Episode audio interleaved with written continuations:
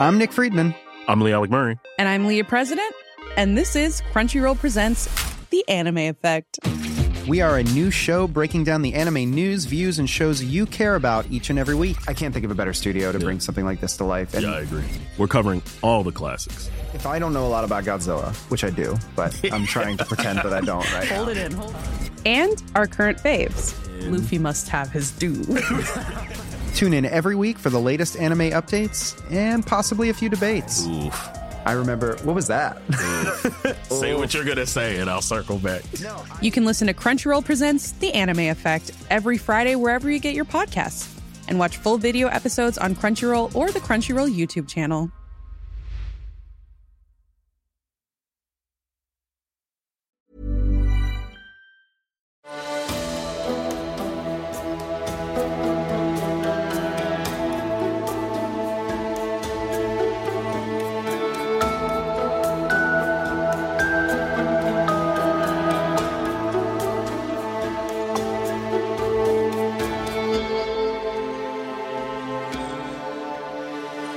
Velkommen til Seriemorderpodden, podkasten dedikert til seriemordere. Hvem de var, hva de gjorde og hvordan. Mitt navn er Thomas Rosseland Wiborg Tune. Forrige episode ble avsluttet med BTKs planlegging av det han kalte Project Dogside. Dette er altså den sjette episoden i sagaen om BTK. Vi er nå i sluttspurten på denne reisen i BTKs mørke og fordervede verden. Jeg håper du blir med meg inn til mål.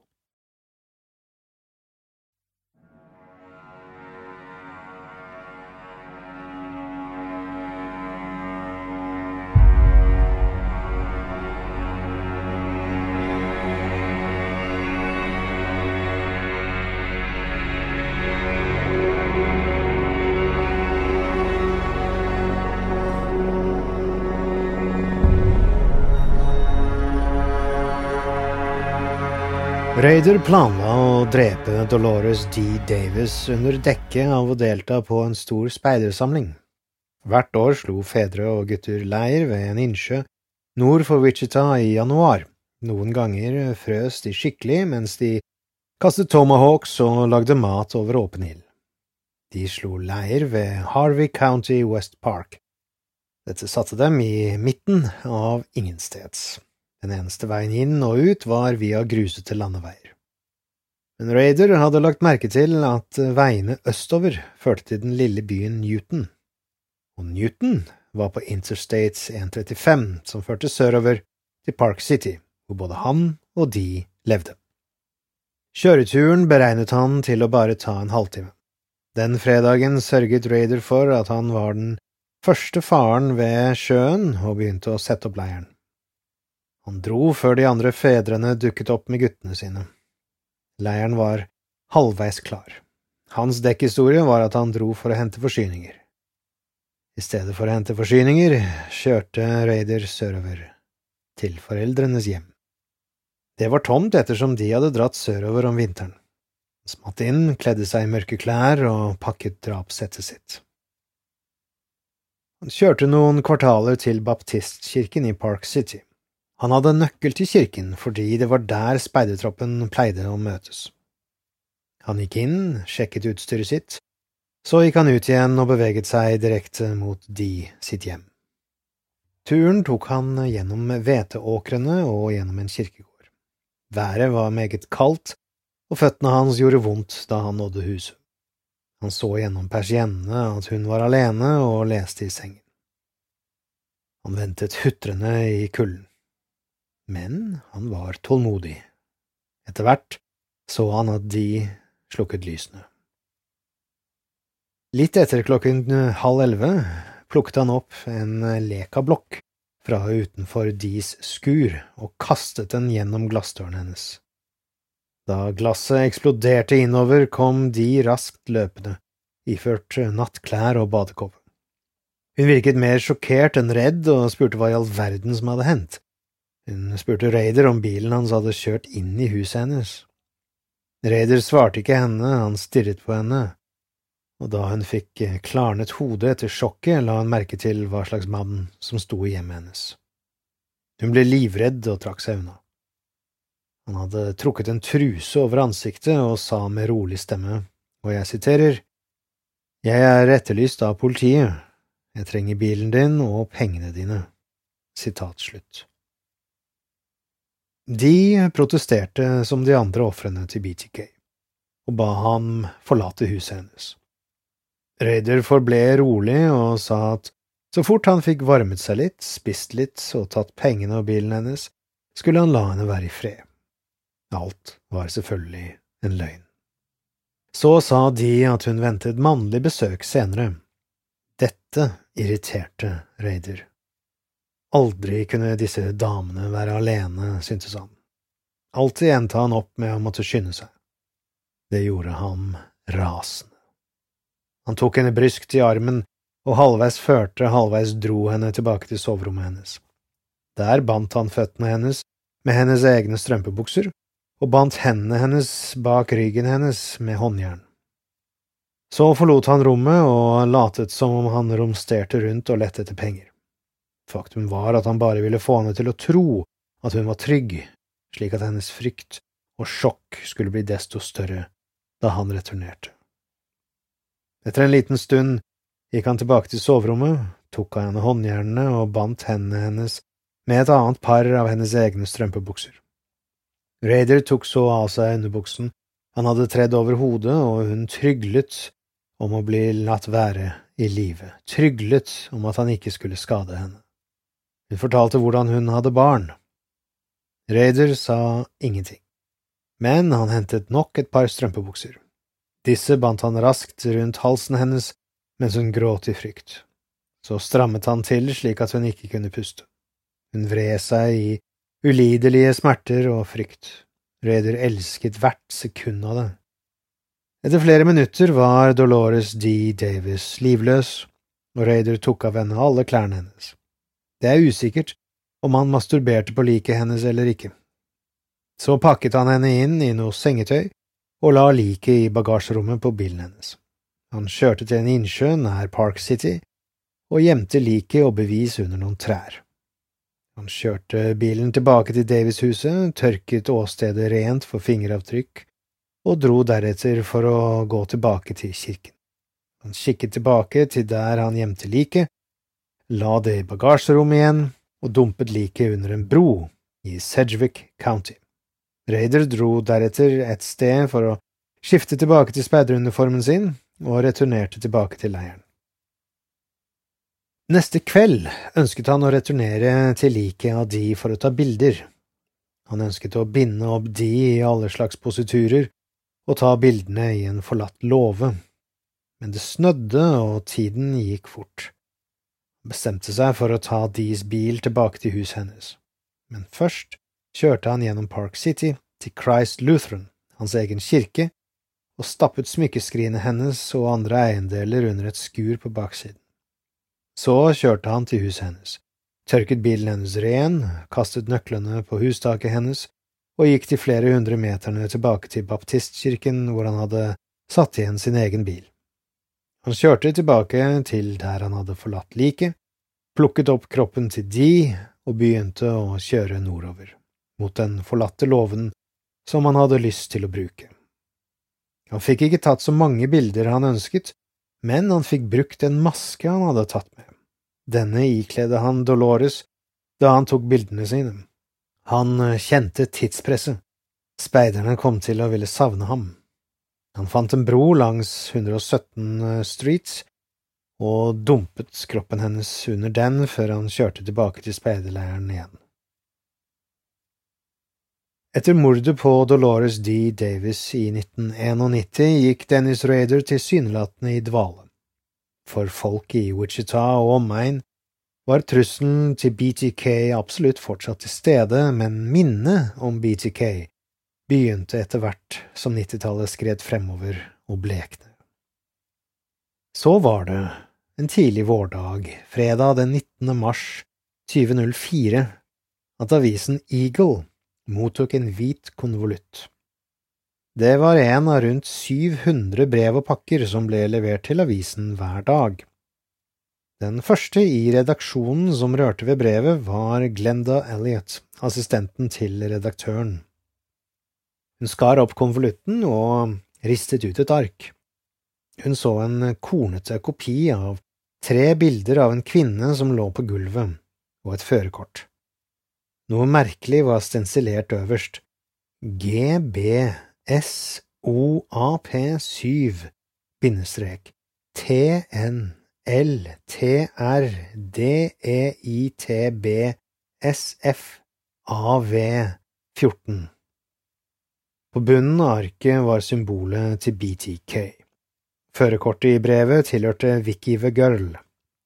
Fotoene skulle vise seg å være ekte bilder tatt av BTK av Vicky etter å ha drept henne. Fra å være en såkalt cold case ble politiet på nytt svært interessert i å få has på BTK-morderen. DNA var på begynnelsen av 00-tallet ikke lenger eksperimentell teknologi, men etablert vitenskap. Politiet fikk gode DNA-profiler fra gammelt bevismateriale i BTK-mordene og fra brevene han sendte. Det tok ikke lang tid før Dennis Raider ønsket enda mer oppmerksomhet. Han følte igjen at villdyret hadde våknet og ønsket igjen å spre frykt. Den 4. mai samme år kom et nytt brev fra BTK, denne gang sendt til KAKE-TV. Returadressen på konvolutten var til en Thomas B. King, et anagram for BTK. Inni konvolutten var det et ordpuslespill, kopier av to ID-kort og en fotokopi av et skilt der det sto spesialkonstabel på. Selve teksten på arket i konvolutten besto av 13 kapitteltitler for hva forfatteren av brevet kalte BTK-historien. Overskriftene refererte til seksuelle fetisjer, prosjekter og i store bokstaver spørsmålet, og her siterer jeg, Vil det bli flere? Slutt. Politiet bestemte seg for å prøve å lokke BTK frem i lyset ved å kommunisere direkte med ham. De la ut en rubrikkannonse i avisen Eagle der det sto at de ønsket kontakt med personen som skrev dikt om Sadie. BTK svarte ikke. Det gikk nesten et halvt år før BTK sendte nok et brev, denne gangen et langt et. Det bestod av fire papirark som var merket C2. Tittelen var Soloppgang. Brevet var som alltid rotete og satt opp med mange ulike referanser. Denne gangen hadde Raider vektlagt tallet tre, og det refererte til den evige trekanten. Resten av brevet var et slags eh, memoar, der BTK fortalte banalt om sin egen oppvekst og barndom. Det var eh, tørr lesning. BTK var ikke en spesielt god forfatter. Politiet la spesielt merke til at BTK skrev om hvordan moren hadde pisket ham som tiåring etter at hun oppdaget ham mens han masturberte. Dette hadde tent en seksuell lyst i ham som aldri hadde forsvunnet. Say hello to a new era of mental health care. Cerebral is here to help you achieve your mental wellness goals with professional therapy and medication management support. 100% online. You'll experience the all new Cerebral Way, an innovative approach to mental wellness designed around you. You'll get a personalized treatment plan from a therapist, prescriber, or both in a safe and judgment free space. Your cerebral therapist or prescriber will outline a customized plan with clear milestones along the way so you can get to feeling your best. With Cerebral, you're not alone in your mental health journey. We're here to empower you to live a fulfilling life. So take that first step towards a brighter future and sign up today at cerebral.com slash podcast and use code ACasts to get 15% off your first month. Offer only valid on monthly plans. Other exclusions may apply. Offer ends July 31st, 2024. See site for details.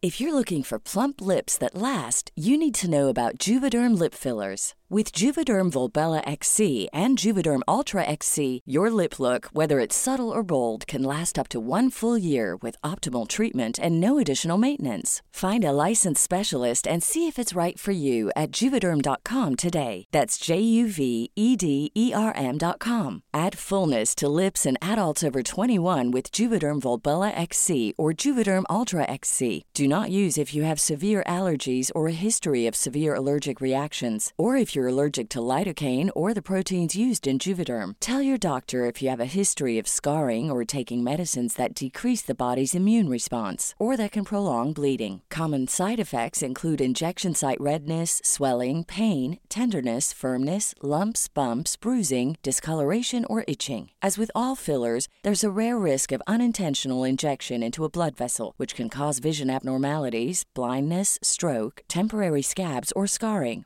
For full important safety information, visit juvederm.com.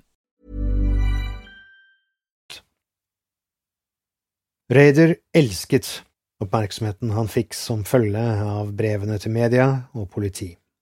Avisene skrev om ham daglig, og han leste hvert ord som hellig skrift. Han ville ha mer. Den 8. desember bestemte han seg for å ringe KAKE-TV. Men hans plan om å holde mottakeren sitrende i frykt i den andre enden mens han presenterte seg som den mektige BTK, gikk ikke slik han forestilte seg. Da han sa til den som tok telefonen at han var BTK, la de bare på med en gang. Han prøvde å ringe et annet nummer, en smykkeforhandler, men de også la på så fort han nevnte BTK. Dette gjentok seg flere ganger frem til han til slutt truet butikken han ringte til med at det var en bombe i butikken som han kom til å detonere hvis de la på. Han gjentok at han var BTK, og han hadde en beskjed. Det var en pakke som skulle plukkes opp på hjørnet av gatene Ninth og Minnesota. Politiet ble kontaktet, og etterforskeren som ledet BTK-arbeidsgruppen, fant ingenting der BTK hadde indikert det skulle være en pakke. Detektiven hadde lett på feil plass. Det skulle gå over en uke før en mann ved navn William Ronald Ervin fant pakken BTK hadde lagt igjen. Den lille hvite søppelposen inneholdt en gjennomsiktig plastpose med glidelås. Inni var en dukke med hendene bundet bak ryggen, flere papirark holdt mot dukken med gummibånd, og førerkortet til Nancy Fox, som hadde vært død i 27 år. Politiet hadde nå opprettet en egen telefonlinje for tips angående BTK. De håpet også å lure BTK i en felle ved å få ham til å kommunisere enda mer, slik at sjansen for å bli avslørt ble større. Det fungerte. Politiet gikk ut i media og etterlyste et halskjede som hadde tilhørt Nancy. Fire dager senere ble en Jeep Cherokee fanget opp på sikkerhetskamera til Home Depot-utsalget nordøst i Wichita. En mann man ikke kunne se tydelig, la noe som så ut som en pakke oppi lasteplanet til en pickup i nærheten. Så kjørte mannen vekk. Det mannen, Dennis Raider, hadde lagt igjen, var en Kelloggs frokostblandingboks. Han hadde skrevet i blokkbokstaver Bombe og BTK utenpå i sort tusj. Inni var det en lapp som spesifiserte at hvis noen tok seg inn i BTK sitt hi, så ville det detonere en bombe. Den 25. januar 2005 fikk KAKE TV nok et brev fra BTK. Returadressen var den samme som hjemmet til den myrdede Otero-familien. Brevet bar tittelen Kommunikasjon nummer åtte. Ellers sto det en dato og en adresse der det skulle befinne seg nok en pakke fra BTK.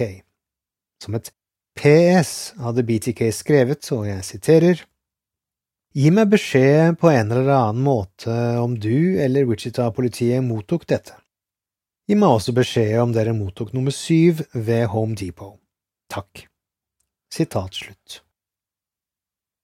Pakken som BTK refererte til, lå ved Seneca-gaten og inneholdt en Barbie-dukke. Den hadde fått påtegnet kjønnshår og var bundet på samme måte som den yngste Otro-jenta, som hadde blitt byrdet flere tiår tidligere.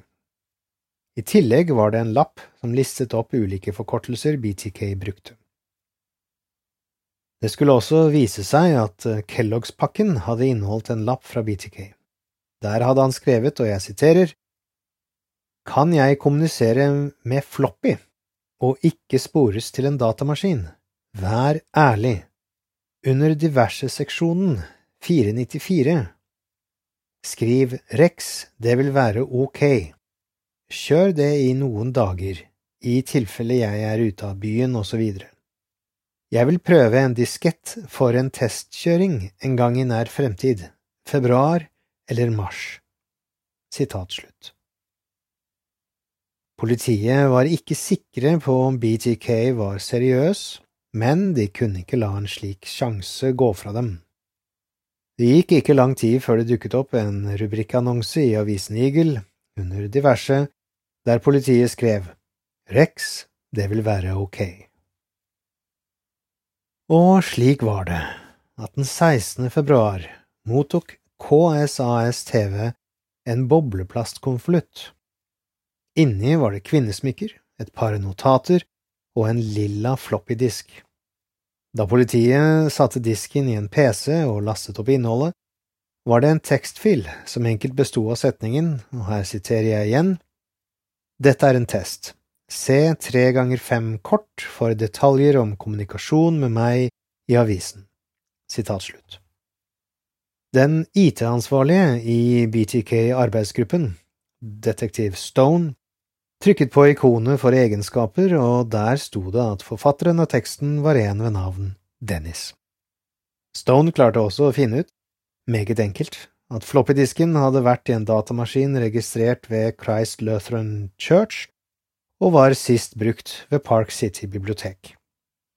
Politiet søkte så raskt internett etter Christ Lutheran Church og fikk lettere sjokk da det første de så da de åpnet kirkens hjemmeside, var navnet på lederen av kirkens menighetsråd, Dennis Raider.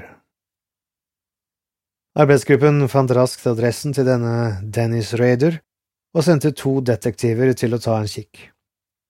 Da de kjørte forbi huset til Raider, så de at det sto en Jeep Cherokee parkert der, samme bilen som hadde blitt observert utenfor Home Depot. Politiet hadde nå gått med indisier som tilsa at Dennis Raider var BTK. Men de manglet harde bevis. De fikk derfor innhentet en arrestordre for medisinjournalene til Raiders datter. En vevsprøve som ble beslaglagt på dette tidspunktet, ble testet for DNA og ga et familiært treff med sæd samlet på et tidligere BTK-åsted. Dette, sammen med andre bevis samlet før og under overvåkningen, ga politiet skjellig grunn til pågripelse. Raider ble stoppet mens han kjørte hjemover på vei fra jobb den 25. februar 2005.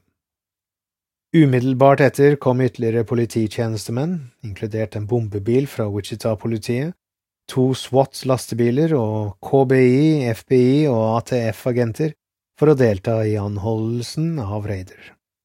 Da han var påsatt håndjern, ble han spurt av en konstabel, og her siterer jeg.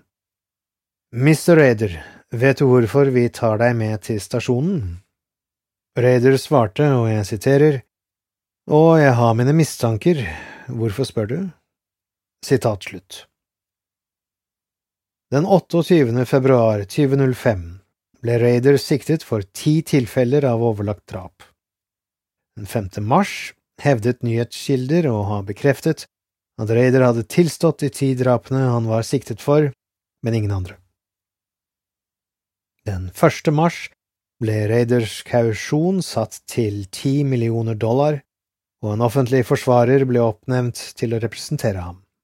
Den 3. mai registrerte dommeren Raiders skyldspørsmål som ikke skyldig på vegne av Raider, ettersom Raider ikke snakket under rettsmøtet. På den 27. juni, derimot, i den planlagte rettssaken, endret Raider sin kjennelse til skyldig. Han beskrev drapene i detalj og ga ingen unnskyldninger. Ved Raiders domsavsigelse 18. august kom ofrenes familier med uttalelser hvoretter Raider ba om unnskyldning i en 30 minutters monolog som aktor sammenlignet med en aksepttale fra en Oscar-utdeling. Hans uttalelse er blitt beskrevet som et eksempel på et ofte observert fenomen blant psykopater, deres manglende evne til å forstå det emosjonelle innholdet i språk. Han ble dømt til ti påfølgende livstidsdommer, der minimum soning ble satt til 175 år. Kansas hadde ingen dødsstraff på tidspunktet for drapene. Den 19. august ble han overført til El Dorado fengsel. Raider snakket om ufarlige temaer som været under den 40 minutter lange kjøreturen til El Dorado, men begynte å gråte da ofrenes familiers uttalelser fra rettsforhandlingene kom på radio. Han er nå i isolasjon for sin egen beskyttelse. Dette innebærer én times trening per dag og varm dusj tre ganger i uken. Dette vil sannsynligvis fortsette på ubestemt tid. Fra og med 2006 fikk han tilgang til TV og radio, til å lese magasiner og andre privilegier for god oppførsel. Og med det kommer vi til slutten av den tiende episoden av Seriemorderpodden og slutten på sagaen om BTK. Jeg håper du har hatt glede av å tilbringe litt tid med meg i kveld. Neste episode, som kommer to uker, kommer jeg til å presentere for deg, kjære lytter, en helt ny seriemordersak. Så som de sier i Radioland, følg med.